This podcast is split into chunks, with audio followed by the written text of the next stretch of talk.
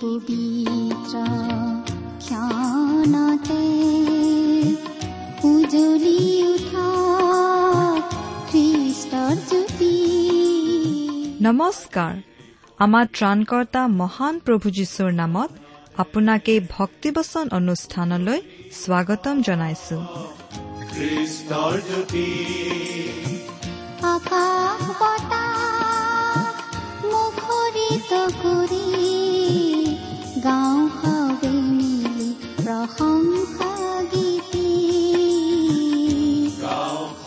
এয়া মুকলি কৰিছো ঈশ্বৰৰ জীৱিত বাক্যৰ ধাৰাবাহিক অনুষ্ঠান ভক্তি বচন। আপোনাৰ জীৱনত যদি শান্তি পাব বিচাৰে তেন্তে এয়া ঈশ্বৰৰ বাক্যৰ সান্তনা বাক্য ভক্তি বচন। গতিকে আহক আজিৰ শিক্ষা শুনো।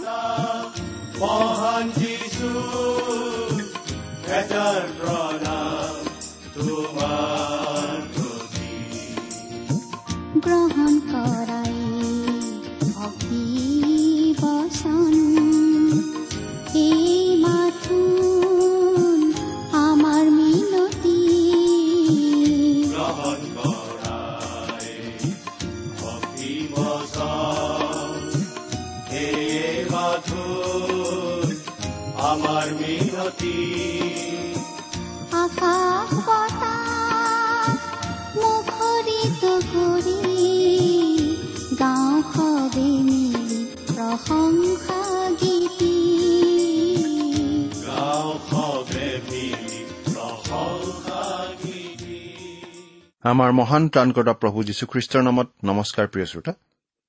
আশা কৰোঁ আপুনি ভালে কুশলে আছে। লগতে এই বুলিও আশা কৰিছো যে আপুনি আমাৰ এই ভক্তিপচন অনুষ্ঠানটো নিয়মিতভাৱে শুনি আছে। এই অনুষ্ঠান শুনি আপুনি কেনে পাইছে বাৰু? অনুগ্ৰহ কৰি আমালৈ চিঠি লিখি জনাবচোন। আপোনালোকৰ পৰা চিঠি পত্ৰ পাবলৈ আমি আশাৰে বাট চাই থাকোঁ আৰু সেইবাবেই আমালৈ চিঠি লিখিবলৈ আমি সদায়েই অনুৰোধ জনাওঁ। অনুগ্ৰহ কৰি আজি এই দুখাৰিমান লিখি পঠিয়াবচোন। আমাৰ যোগাযোগৰ ঠিকনা ভক্তিবচন টি ডব্লিউ আৰ ইণ্ডিয়া ডাক বাকচ নম্বৰ সাত শূন্য গুৱাহাটী সাত আঠ এক শূন্য শূন্য এক। ভক্তিবচন টি ডব্লিউ আৰ ইণ্ডিয়া ডাক বাকচ নম্বৰ সাত শূন্য গুৱাহাটী সাত আঠ এক শূন্য শূন্য এক। আমাৰ website W W W dot radio' eight eight two dot com প্ৰিয় শ্ৰোতা যদিহে আপুনি আমাৰ এই ভক্তিপোচন অনুষ্ঠানটো নিয়মিতভাৱে শুনি আছে তেনেহলে আপুনি নিশ্চয় এই কথা জানে যে আমি আজি কিছুদিনৰ পৰা বাইবেলৰ প্ৰথমখন পুস্তক অৰ্থাৎ আদি পুস্তক নামৰ পুস্তকখন অধ্যয়ন কৰি আছো। যোৱা অনুষ্ঠানত আমি এই আদি পুস্তকৰ তিৰাল্লিছ নম্বৰ অধ্যায়ৰ চৈধ্য নম্বৰ পদলৈকে আমাৰ আলোচনা আগবঢ়াই নিছিলো। আমি দেখিবলৈ পাইছিলো যে আকাল বাঢ়ি যোৱা কাৰণে অনিচ্ছা সত্বেও জাকুবে তেওঁৰ কনিষ্ঠ পুত্ৰ বিন্যামিনক ককায়েকহঁতৰ লগত মিছৰলৈ শস্য কিনিবলৈ পঠিয়াইছিল। আজিৰ অনুষ্ঠানত আমি আদি পুস্তকৰ তিৰাল্লিছ নম্বৰ অধ্যায়ৰ পোন্ধৰ নম্বৰ পদৰ পৰা আমাৰ আলোচনা আগবঢ়াই লৈ যাম। আশা কৰোঁ আপুনি আপোনাৰ বাইবেলখন মেলি লৈছে। কিন্তু তাৰ আগতে আহকচোন খন্তেক প্ৰাৰ্থনাত মোৰ উন্নত কৰোঁ। আমি প্ৰাৰ্থনা কৰোঁ। স্বৰ্গত থকা অসীম দয়ালু পিতৃ ঈশ্বৰ তোমাক ধন্যবাদ কৰোঁ। কিয়নো তোমাৰ বাক্য আলোচনা কৰিবলৈ তুমি আমাক আকৌ এটা সুযোগ দিছা। তোমাৰ মহান বাক্য বাইবেল শাস্ত্ৰ অধ্যয়ন কৰোঁতে প্ৰাৰ্থনা কৰিছো পিতা। তোমাৰ বাক্য তুমিয়েই আমাক বুজাই দিয়া। এই অনুষ্ঠান শুনি থকা আমাৰ মৰমৰ শ্ৰোতাসকলক তুমি উপচি পৰাকৈ আশীৰ্বাদ কৰা। কিয়নো এই প্ৰাৰ্থনা আমাৰ মহান ত্ৰাণকৰ্তা প্ৰভু যীশুখ্ৰীষ্টৰ নামত আগবঢ়াইছো।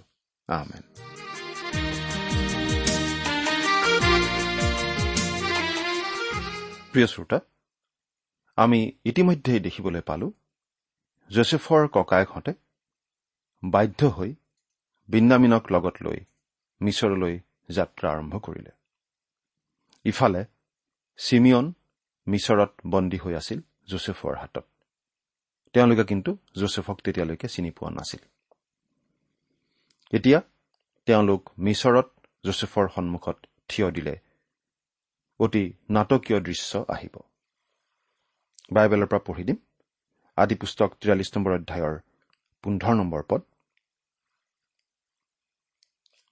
তেতিয়া সেই মানুহবিলাকে সেই উপহাৰ হাতত দুগুণ ধন আৰু বিন্নামিনকো লগত ললে আৰু উঠি মিছৰলৈ নামি গৈ জোচেফৰ আগত থিয় হ'ল। জোচেফৰ আৱেগ কেনেদৰে উঠলি উঠিছিল? বিন্নামিনক দেখি সেইটো আপুনি নিশ্চয় কল্পনা কৰিব পাৰে। ইমান বছৰৰ মূৰত নিজৰ মৰমৰ সহোদৰ ভাই সৰু ভাই বিন্নামিনক তেওঁ দেখিব। ষোল্ল আৰু সোতৰ নম্বৰ পদ। পাছে জোচেফে সিবিলাকৰ লগত বিন্নামিনক দেখিলত তেওঁ তেওঁৰ ঘৰগিৰিক কলে এই মানুহবিলাকক ঘৰলৈ নে আৰু পশু মাৰি আহাৰ যুগুত কৰগৈ। কিয়নো মানুহবিলাকে মোৰে সৈতে দুপৰীয়াকৈ ভোজন কৰিব। তাতে সেই মানুহে জোচেফে আজ্ঞা দিয়াৰ দৰেই কৰি সিবিলাকক জোচেফৰ ঘৰলৈ লৈ গ'ল। তেওঁলোকক জোচেফে ঘৰলৈ মতাৰ কাৰণটো স্পষ্ট। তেওঁ ঘৰৰ ব্যক্তিগত গোপনীয়তাত তেওঁলোকৰ সৈতে কথা পাতিব খোজে। ওঠৰ নম্বৰ পদ। কিন্তু সিবিলাকে নিজকে জোচেফৰ ঘৰলৈ নিয়া দেখি ভয় কৰি কলে আগেয়ে যি ধন আমাৰ মুতৰিত উভতি গ'ল তাৰ কাৰণে চল চাই আমাক আক্ৰমণ কৰি গাধবোৰে সৈতে আমাক বন্দী কৰি ল'বলৈহে ইয়ালৈ অনা হৈছে। এওঁলোকে কিন্তু এতিয়া সঁচাকৈ বৰ ভয় খাইছে। তেওঁলোকক কিবা ভাল উদ্দেশ্যত ঘৰলৈ মতা বুলি তেওঁলোকে কল্পনাই কৰিব নোৱাৰে। জোচেফে তেওঁলোকৰ প্ৰতি আগতে ইমান কঠোৱা ব্যৱহাৰ কৰিছে আৰু এতিয়া ভোজনৰ বাবে মাতিছে। গতিকে তেওঁলোকে উদ্দেশ্য বেয়া বুলিয়েই ভাবিছে। সাধাৰণ অৱস্থাত এই কথাত আমি নিশ্চয় আনন্দিত হলোহেঁতেন। আপোনাক বাৰু দেশৰ প্ৰধানমন্ত্ৰীয়ে নৈশ ভোজনৰ বাবে তেওঁৰ ঘৰলৈ মাতিলে আপুনি গৰ্ব অনুভৱ নকৰিলেহেঁতেন নে?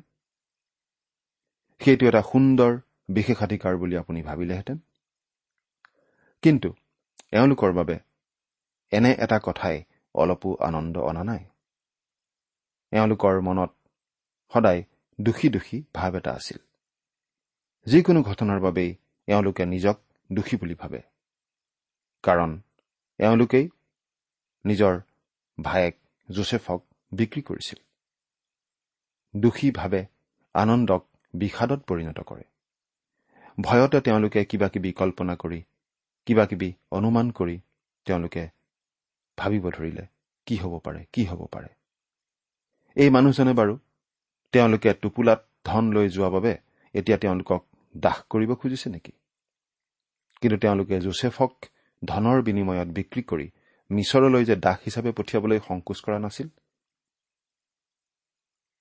তেওঁলোকে জোচেফক দাস হিচাপে বিক্ৰী কৰিছিল কিন্তু এতিয়া নিজে দাস হবলৈ ভয় খাইছে। কথাটো চিন্তা কৰি চাওকচোন। ঊনৈছৰ পৰা বাইছ নম্বৰ পদ। তাতে সিবিলাকে জোচেফৰ ঘৰগিৰিৰ ওচৰলৈ গৈ ঘৰৰ দুৱাৰমুখত তাৰে সৈতে কথা হৈ কলে হে দেও আমি প্ৰথমবাৰ শস্য কিনিবলৈ আহিছিলো। পাছে যেতিয়া আমি ৰাতি ৰলোগৈ তেতিয়া আমাৰ মুতৰি মেলিলত চোৱা প্ৰতিজনৰ মুতৰিৰ মুখত নিজ নিজ ধন পূৰাকৈ পালো। তাক আমি আকৌ হাতত লৈ আহিছো। তাত বাজে শস্য কিনিবৰ নিমিত্তে হাতত আৰু ধন আনিছো। সেই ধন কোনে আমাৰ মুতৰিত দিলে তাক আমি নাজানো। তেওঁলোকে দুখ প্ৰকাশ কৰি কথাটো ব্যাখ্যা কৰি অনুনয় বিনয় কৰিব ধৰিছে। তেওঁলোকে আনকি তেওঁলোকক জোচেফৰ ঘৰলৈ লৈ যোৱা সেই মানুহজনৰ আগতো অনুনয় কৰিছে। তেওঁ নিশ্চয় এজন বিষয়াহে আছিল। তেইছ নম্বৰ পদ।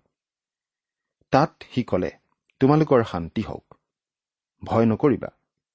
তোমালোকৰ ঈশ্বৰ তোমালোকৰ পিতৃৰ ঈশ্বৰেই তোমালোকৰ মুতৰিত তোমালোকক ধন দিলে। মই হলে তোমালোকৰ ধন পালো। তেতিয়া সেই চিমিউনক সিবিলাকৰ ওচৰলৈ উলিয়াই আনিলে। আমাৰ এনেকুৱা লাগে এই মানুহজনেও কি জানি জোচেফৰ সাক্ষৰ যোগেদি জীৱন্ত আৰু প্ৰকৃত ঈশ্বৰক জানিব পাৰিছিল। আমি ভাবো জোচেফে তেওঁকো অলপ অলপ কথাটোৰ আভাস দিছিল। কি ঘটি আছিল সেই কথা তেওঁকো অলপ অলপ জানিবলৈ দিছিল। যেতিয়া তেওঁ কৈছিল মই হলে তোমালোকৰ ধন পালো তেতিয়া তেওঁলোকৰ কিজানি আৰু ভয় লাগিছিল। চৌব্বিছ নম্বৰ পদ। এইদৰে সেই মানুহে সিবিলাকক জোচেফৰ ঘৰৰ ভিতৰলৈ নি পানী দিলত সিবিলাকে সিবিলাকৰ ভৰি ধুলে আৰু সিবিলাকৰ গাধবোৰকো সি দানা দিলে। আমি ইয়াত ভৰি ধুওৱাৰ ৰীতিটো আকৌ দেখিবলৈ পাইছো। আমি অব্ৰাহামৰ জীৱনতো এইটো দেখিছিলো আৰু চদুমতো এই ৰীতিটো দেখিছিলো। এইটো সেই সময়ৰ এটা ৰীতি আছিল অভ্যৰ্থনা কৰাৰ। পঁচিছ আৰু ছাব্বিছ নম্বৰ পদ পঢ়ি দিম। আৰু দুপৰীয়া জোচেফ ঘৰলৈ আহিব বুলি সিবিলাকে সেই উপহাৰ যুগুত কৰিলে। কিয়নো সিবিলাকে তাত ভোজন কৰিব বুলি সিবিলাকে শুনিছিল। পাছে জোচেফ ঘৰলৈ আহিলত সিবিলাকে সিবিলাকৰ হাতত থকা সেই উপহাৰ ঘৰৰ ভিতৰলৈ তেওঁৰ ওচৰলৈ নি মাটিত পৰি তেওঁৰ আগত প্ৰণিপাত কৰিলে। বৃদ্ধ জাকুবে পুতেকহঁতক সেই মানুহজনলৈ উপহাৰ লৈ যাবলৈ কৈছিল। অৰ্থাৎ জোচেফলৈ। তেওঁলোকে তেওঁৰ আগত মূৰ দুৱাই প্ৰণিপাত কৰিছিল। গতিকে জোচেফে লৰালি কালতেই দেখা সেই সপোনটো ফলিয়াইছে। সাতাইছ নম্বৰ পদ। তেতিয়া তেওঁ সিবিলাকৰ মংগলৰ কথা সুধি কলে তহঁতৰ যি বুঢ়া বাপেৰৰ কথা কৈছিলি তেওঁ ভালে আছেনে? তেওঁ এতিয়ালৈকে জীয়াই আছেনে? এইটো অতি নাটকীয় মুহূৰ্ত। জোচেফ নিশ্চয় বহি আছিল। সিংহাসনত নহলেও অলপ চকুত লগা উচ্চ আসনত। আৰু তেওঁৰ আগত ককাইকহঁতে মূৰ দুৱাইছিল। যেতিয়া তেওঁলোক থিয় হ'ল তেতিয়া জোচেফে তেওঁলোকক সুধিলে তহঁতৰ দেউতা ভালে আছেনে? তহঁতে যে কৈছিলি সেই বৃদ্ধ লোকজন তেওঁ এতিয়াও জীয়াই আছেনে? জোচেফে কথাটোত খুব মন দিছে কাৰণ তেওঁ তেওঁৰো দেউতাক। আঠাইছ নম্বৰ পদ। তাতে সিবিলাকে কলে আপোনাৰ বন্দী আমাৰ বোপাই ভালে আছে। তেওঁ এতিয়ালৈকে জীয়াই আছে। এই বুলি সিবিলাকে মূৰ দুৱাই প্ৰণিপাত কৰিলে। এয়া তেওঁলোকে আকৌ মূৰ নত কৰিছে। আমি সেই দৃশ্যটোৰ ফটো এখন তুলি থবলৈ পালে কিজানি কিমান ভাল হলহেঁতেন? তেওঁলোকৰ লগত বিন্নামিন আছিল আৰু বিন্নামিনেও মূৰ নত কৰিছিল। ঊনত্ৰিশ নম্বৰ পদ। তেতিয়া তেওঁ চকু তুলি নিজ মাকৰ পুতেক বিন্নামিন ভায়েকক দেখি কলে তহঁতে যি সৰু ভাইৰৰ কথা মোক কৈছিলি সেইটো ইয়েই নে? তেওঁ আৰু কলে বোপা ঈশ্বৰে তোমালৈ অনুগ্ৰহ কৰক। জোচেফে বিন্নামিনলৈ চালে তেওঁৰ মাকৰ পুত্ৰ। শহুদৰ ভাই। ডাঙৰ কেইজন তেওঁৰ সতীয়া ভাই কিন্তু এওঁ তেওঁৰ নিজৰ শহুদৰ ভাই তেওঁৰ মাকৰ পুত্ৰ। তেওঁ সুধিছে তহঁতে যে কৈছিলি তহঁতৰ সৰু ভাইজন এইজনেই নেকি? আমি ভাবো ককাইহঁতে মূৰ দুপিয়াইছিল জোচেফে বিন্নামিনক কলে বোপা ঈশ্বৰে তোমাক অনুগ্ৰহ কৰক। কি যে এক নাটকীয় মুহূৰ্ত। তাৰ পাছত জোচেফে তেওঁৰ আৱেগ বান্ধি ৰাখিব নোৱাৰিলে। ত্ৰিশ নম্বৰ পদ। তাতে নিজ ভায়েকলৈ জোচেফৰ অতিশয় মৰম লগাত তেওঁ বেগাই কান্দিবলৈ ঠাই বিচাৰি নিজৰ কোঠালিত সোমাই তাত ক্ৰদন কৰিলেগৈ। নিজ ভায়েকলৈ জোচেফৰ অতিশয় মৰম লগাত। তেওঁৰ অতিপাত দুখ লাগিছিল। তেওঁ লৈ যেন নিজৰ অন্তৰখন ওলাইহে গৈছিল। তেওঁ কিজানি ককাইহঁতক কৈছিল মোক অলপ ক্ষমা কৰিবা মোৰ অলপ ভিতৰত কাম আছে। আৰু কোঠাৰ পৰা যিমান পাৰে বেগাই ওলাই গৈছিল। তেওঁ নিজৰ ব্যক্তিগত কোঠালৈ গৈছিল আৰু তাতেই কান্দিছিল। ইমান বছৰৰ মূৰত তেওঁ নিজৰ ভায়েক বিন্নামিনক দেখিছে। প্ৰায় বাইশটা বছৰ পাৰ হৈ গ'ল। জোচেফৰ বয়স এতিয়া চল্লিছ বছৰ। আৰু বিন্নামিন কম বয়সীয়া ডেকা ল'ৰা। একত্ৰিশ নম্বৰ পদ। পাছে তেওঁ মুখ ধুই বাহিৰলৈ আহি নিজৰ মন থিৰ কৰি ৰাখি আহাৰ বাঢ়িবলৈ কলে। এইটো এটা এতিয়াও ঘটিবলৈ বাকী থকা কথাৰ এখন সুন্দৰ ছবি। আশা কৰো আপুনিও এইটো লক্ষ্য কৰিব। জখৰীয়া ভাৱবাদীয়ে জনাইছে যে প্ৰভু যীশুৱে এদিন ভাইবিলাকৰ আগত নিজক জনাব নিজৰ চিনাকি দিব নিজক প্ৰকাশ কৰিব। তেওঁলোকে তেওঁৰ কোষৰ জাঠিৰ খোজ আৰু হাতত গজালৰ বিন্ধাৰ বিষয়ে তেওঁ সুধিব। সেইদিনা তেওঁক ক'ব তেওঁলোকক ক'ব মই এইবোৰ মোৰ বন্ধুৰ ঘৰত পালো। তেতিয়া তেওঁলোকে তেওঁক চিনি পাব আৰু তেওঁলোকে উচুপি উচুপি কান্দিব। তেওঁলোকক তেওঁৱেই পৰিত্ৰাণ যোগাইছে। তেওঁৱেই তেওঁলোকৰ মুক্তিৰ কাৰণে নিজৰ জীৱন দিছে। যেতিয়া প্ৰভু যীশু পৃথিৱীলৈ পুনৰ আহিব তেতিয়া এইটো ঘটিব। তেওঁ তেওঁৰ ভাইবিলাকৰ আগত প্ৰকাশিত হ'ব।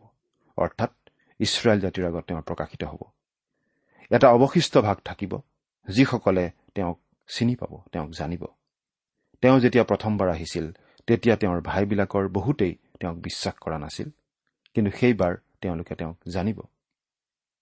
ঠিক একেদৰে জোচেফৰ ভায়েকহঁতেই তেওঁক দাসত্বলৈ গতাই দিছিল তেওঁক বিক্ৰী কৰিছিল। তেওঁক তেওঁলোকে আঁতৰ কৰি পঠিয়াইছিল। কিন্তু এতিয়া তেওঁ ভাইবিলাকৰ আগত নিজকে প্ৰকাশ কৰিব। এদিন আমাৰ প্ৰভু যীশুখ্ৰীষ্টইও ঠিক তাকেই কৰিব। প্ৰিয় খ্ৰীষ্টীয় ভাইসকল ইছৰাইল জাতি বিদ্বেষৰ পৰা আঁতৰি থকাই ভাল। ইছৰাইল জাতি যিমানেই অন্ধ নহওক কিয় নাইবা আজি যিহতেই লিপ্ত নাথাকক কিয় তেওঁলোক আকৰ্ষণীয় লোক নহলেও এইটো সত্য যে তেওঁলোক আমাৰ প্ৰভুৰ ভাই। সেই দিন আহি আছে যিদিনা তেওঁ তেওঁলোকৰ আগত নিজকে প্ৰকাশ কৰিব। আৰু এইটো হ'ব পাৰিবাৰিক ঘটনা। আমি তেওঁৰ পৰিয়ালৰ কথাত মাত নমতাই ভাল। কোনো প্ৰকৃত খ্ৰীষ্টীয় বিশ্বাসীয়ে আচলতে ইছৰাইল জাতি বিদ্বেষী হ'ব নোৱাৰে। জোচেফে নিজৰ কোঠালৈ গৈ উচুপি আৱেগ নিয়ন্ত্ৰণ কৰিলে মুখ ধুলে আৰু ভায়েকহঁতৰ ওচৰলৈ আহি ক'লে আমি খাওঁ আহা। বত্ৰিশ নম্বৰ পদ। তেতিয়া সিহঁতে তেওঁলৈ আৰু তেওঁৰ ভায়েক ককায়েকবিলাকলৈ আৰু তেওঁৱে সৈতে খাওঁতা মিছৰীয়াবিলাকলৈকো বেলেগ বেলেগকৈ বাঢ়িলে। কিয়নো ইব্ৰিয়াবিলাকে সৈতে মিছৰীয়াবিলাকে খোৱা বোৱা কৰিব নাপায় কাৰণ সেয়ে মিছৰীয়াবিলাকৰ মনত ঘীন লগা কাৰ্য। ককাইকহঁতে ভয় খাই নথকা হলে এই আহাৰৰ ক্ষেত্ৰত কেইবাটাও কথা মন কৰিব পাৰিলেহেঁতেন। প্ৰথম কথাটো হ'ল জোচেফে মিছৰীয়াৰ লগত একেলগে খোৱা নাছিল। মিছৰীয়াবিলাকে বেলেগে খাইছিল। জোচেফ তেওঁলোকৰ পৰা বেলেগ আছিল। ককাইকহঁতে হয়তো ভাবিছিল জোচেফ জ্যেষ্ঠ বিষয়া হোৱা বাবেই তেনেদৰে কৰিছিল। কিন্তু আচলতে মিছৰীয়াবিলাকে ইব্ৰিয়াৰ লগত খোৱা বোৱা কৰিব নাপায়। ইয়াতে আন এটা কথাও আছে। তেত্ৰিশ নম্বৰ পদ। পাছে জোচেফৰ আগত সিবিলাকৰ জ্যেষ্ঠই জ্যেষ্ঠৰ ঠাইত আৰু কনিষ্ঠই কনিষ্ঠৰ ঠাইত বহিল। তাতে সিবিলাকে ইজনে সিজনলৈ চোৱা চুই কৰি আচৰিত মানিলে। জোচেফে খোৱা ঠাইবোৰ সজাই দিছিল আৰু তেওঁ ৰুবেনক সঠিক ঠাইত বহুৱালে। আৰু বাকী ককায়েকসকলকো বয়স অনুসাৰে উচিত ক্ৰমত তেওঁ বহুৱালে। তেওঁলোকে আচৰিত হৈ পৰস্পৰলৈ চাই ভাবিলে তেওঁনো এই কথা কেনেকৈ জানিলে? কোন ডাঙৰ কোন সৰু? চৌত্ৰিশ নম্বৰ পদ।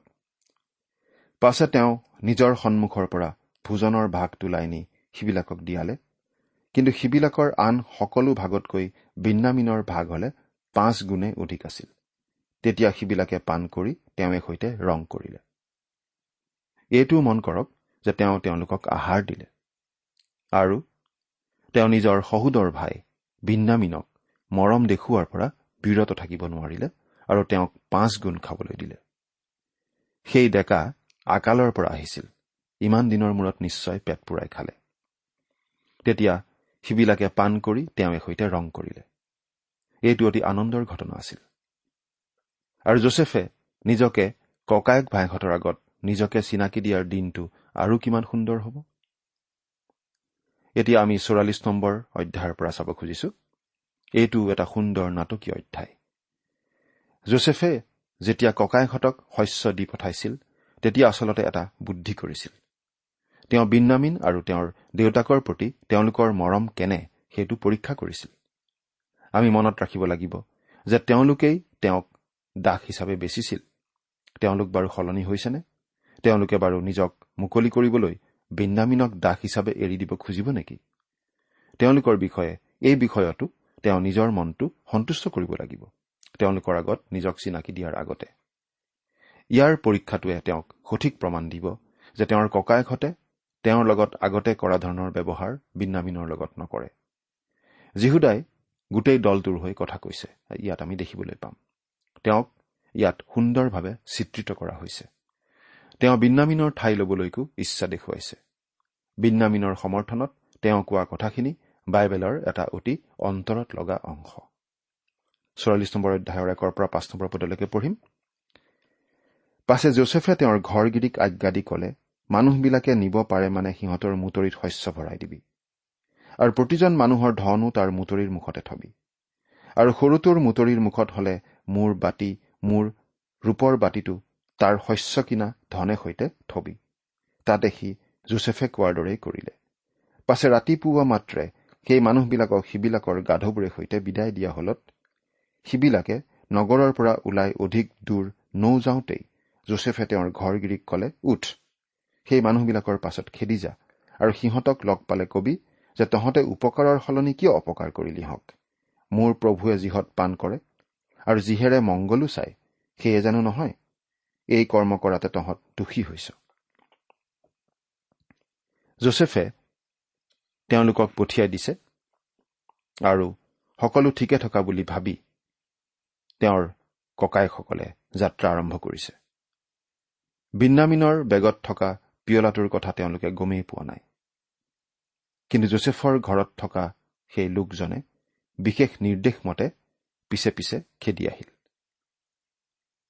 ককায়েকহঁত অলপ দূৰ যোৱাৰ পাছতে তেওঁলোকক লগ ধৰিলেহি। তেওঁলোকৰ পিছে পিছে এদল লোক তেওঁলোকে দেখিবলৈ পালে।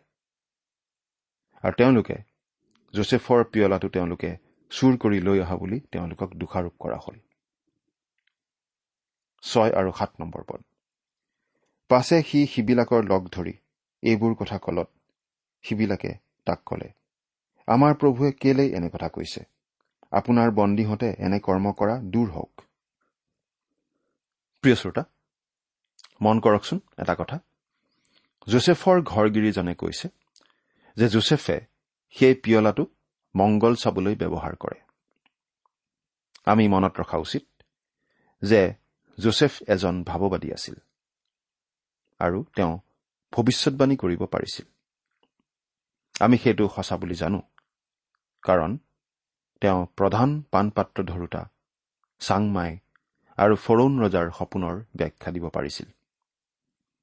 তেওঁ হয়তো পিয়লাটো ব্যৱহাৰ কৰিছিল। নাইবা তেওঁ তেনেদৰে সজাই কবলৈকে কৈছিল। কিন্তু আমি এই কথাও বুজি পোৱা উচিত যে তেওঁ ভাৱবাণী ক'ব পৰা গুণটো ঈশ্বৰেই তেওঁক দিয়া এটা গুণ। আৰু এইখিনি লিখিত একো প্ৰকাশ থকাৰ আগৰ কথা। সেই সময়ত ঈশ্বৰে তেনে বিশেষ গুণ বা বৰ দিছিল বিশেষ বিশেষ কিছুমান ব্যক্তিক। কিন্তু আমি আজি পিয়লা এটা সন্মুখত লৈ চাহপাতবিলাকলৈ চাই থাকিব নালাগে। নাইবা আমি ৰাশিফলো চাব নালাগে। সেইবোৰ আজি আমাৰ বাবে অৰ্থহীন কথা। আজি সেইবোৰৰ আশ্ৰয় লোৱা মানুহৰ দুখ লগা আত্মিক অৱস্থাটোহে প্ৰকাশ পায়। জোচেফৰ সেইটো এটা ঈশ্বৰ প্ৰদত্ত বিশেষ বৰ আছিল। সেইটো পিয়লাটোত নাছিল। বৰটো আছিল ঈশ্বৰৰ পৰা অহা বৰ। আঠ আৰু ন নম্বৰ পদ। চাওক আমাৰ মুতৰিৰ মুখত যি ধন আমি পাইছিলো তাকো আমি কণান দেশৰে পৰা আপোনালৈ উভতাই আনিলো। তেন্তে আপোনাৰ প্ৰভুৰ ঘৰৰ পৰা সোণ বা ৰূপকে আমি কেলেই চুৰ কৰিম? আপোনাৰ বন্দীহঁতৰ মাজত যাৰ তাত তাক পোৱা যায় সি মৰক আৰু আমিও প্ৰভুৰ বন্দী হ'ম। তেওঁলোকৰ কোনেও পিয়লাটো অনা নাই বুলি তেওঁলোকে নিশ্চিত আছিল। দহৰ পৰা বাৰ নম্বৰ পদ। তাতে সি কলে বাৰু তহঁতৰ কথাৰ দৰেই হওক। যাৰ তাতেই তাক পোৱা যায় সি মোৰ বন্দী হ'ব। কিন্তু তহঁত হলে নিৰ্দোষী হবি। তেতিয়া সিবিলাকে বেগতে নিজৰ মুতৰি মাটিলৈ নমাই প্ৰতিজনে নিজ নিজ মুতৰি মেলিলে। তাতে সি বৰটোৰ পৰা আৰম্ভ কৰি সৰুটোলৈকে বিচাৰিলত বিন্নামিনৰ মুতৰিত সেই বাতি পোৱা গ'ল। জোচেফেই তেওঁৰ ঘৰগিৰিক বিন্নামিনৰ বেগত সেই পিয়লাটো ৰাখিবলৈ দিছিল। তেৰ নম্বৰ পদ। তেতিয়া সিবিলাকে নিজৰ নিজৰ কাপোৰ চিৰিলে আৰু নিজ নিজ গাধত বুজাই দি নগৰলৈ উভতি গ'ল। তেওঁলোকে অতিশয় দুখৰ চিনস্বৰূপে কাপোৰ ফালিলে। তেওঁলোক আকৌ উভতিল। বিন্যামিনক নোলোৱাকৈ তেওঁলোক ঘৰলৈ নাযায়। তেওঁলোক আকৌ জোচেফৰ আগত মূৰ্ণত কৰি পৰিল। এইবাৰ অতি দুখ আৰু বেজাৰত। চৈধ্য আৰু পোন্ধৰ নম্বৰ পদ। পাছে যীহুদা আৰু তাৰ ভায়েক ককায়েকবিলাকে জোচেফৰ ঘৰ পালে আৰু তেওঁ তেতিয়ালৈকে তাতে আছিল। তেতিয়া সিবিলাকে তেওঁৰ আগত মাটিত পৰিল। তাতে জোচেফে সিবিলাকক কলে তহঁতেনো এইটো কি কাম কৰিলি হওক মোৰ নিচিনা পুৰুষে যে অৱশ্যে মংগল চাব পাৰে তাক তহঁতে নেজাননে? যীহুদা আগবাঢ়ি আহিল আৰু তেওঁৰ মহানতা এতিয়া প্ৰকাশ পাই উঠিছে। মনত ৰাখিব এই যীহুদাৰ ফৈদতেই ত্ৰাণকৰ্তা আহিব লগা আছিল। আমাৰ প্ৰভু যীশুখ্ৰীষ্ট জগতৰ ত্ৰাণকৰ্তা আৰু তেওঁ এই যীহুদাৰ ফৈদতেই জন্ম লৈছিল। যীহুদাই এটা অতি সুন্দৰ বক্তৃতা দিলে। তেওঁ এটা পূৰ্ণ স্বীকাৰোক্তি দিলে যে তেওঁলোকৰ পাপৰ কাৰণে তেওঁলোকলৈ এনে ঘটিছে। ষোল্ল আৰু সোতৰ নম্বৰ পদ। তেতিয়া যীহুদাই কলে প্ৰভুৰ আগত আমি কি ক'ম? কি উত্তৰ দিম? আৰু কেনেকৈনো নিজকে নিৰ্দোষী কৰিম? ঈশ্বৰে আপোনাৰ এই বন্দীহঁতৰ অপৰাধ প্ৰকাশ কৰিলে। চাওক যাৰ হাতত বাতি পোৱা গৈছে তাৰে সৈতে আমিও প্ৰভুৰ বন্দী হলো। তাতে জোচেফে কলে এনে কৰ্ম মোৰ পৰা দূৰ হওক। যাৰ হাতত বাতিটো পোৱা গৈছে সেই মানুহে মোৰ বন্দী হ'ব। তহঁত হলে তহঁতৰ বাপেৰৰ তলৈ কুশলে যাগৈ। জোচেফে এতিয়া তেওঁলোকৰ ভায়েকৰ প্ৰতি তেওঁলোকৰ মৰম পৰীক্ষা কৰিব খুজিছে। তেওঁ কৈছে বিন্নামিনহে দোষী গতিকে বিন্নামিন থাকিব লাগিব। তেওঁলোকেই তেওঁক দাসত্বলৈ বেচিছিল। এতিয়া তেওঁ তেওঁলোকক কৈছে মাত্ৰ বিন্নামিনক এৰি থৈ যোৱা আৰু সি মোৰ দাস হৈ থাকিব। সিহে দোষী তোমালোক বাকীবিলাক যাবগৈ পাৰা। প্ৰিয় শ্ৰোতা আচলতে ঈশ্বৰৰ দৃষ্টিত আমি সকলো মানৱেই দোষী। আমিহে ঈশ্বৰৰ পৰা শাস্তি পোৱা উচিত। কিন্তু আমাৰ স্থান ললে প্ৰভু যীশুখ্ৰীষ্টই আমাৰ পাপৰ শাস্তি তেওঁ ক্ৰুচত ললে যাতে আমি মুক্ত হ'ব পাৰোঁ। সেই যীচুক বাৰু আপুনি ত্ৰাতা হিচাপে গ্ৰহণ কৰিছেনে? ঈশ্বৰে আপোনাক আশীৰ্বাদ কৰক। আহমেন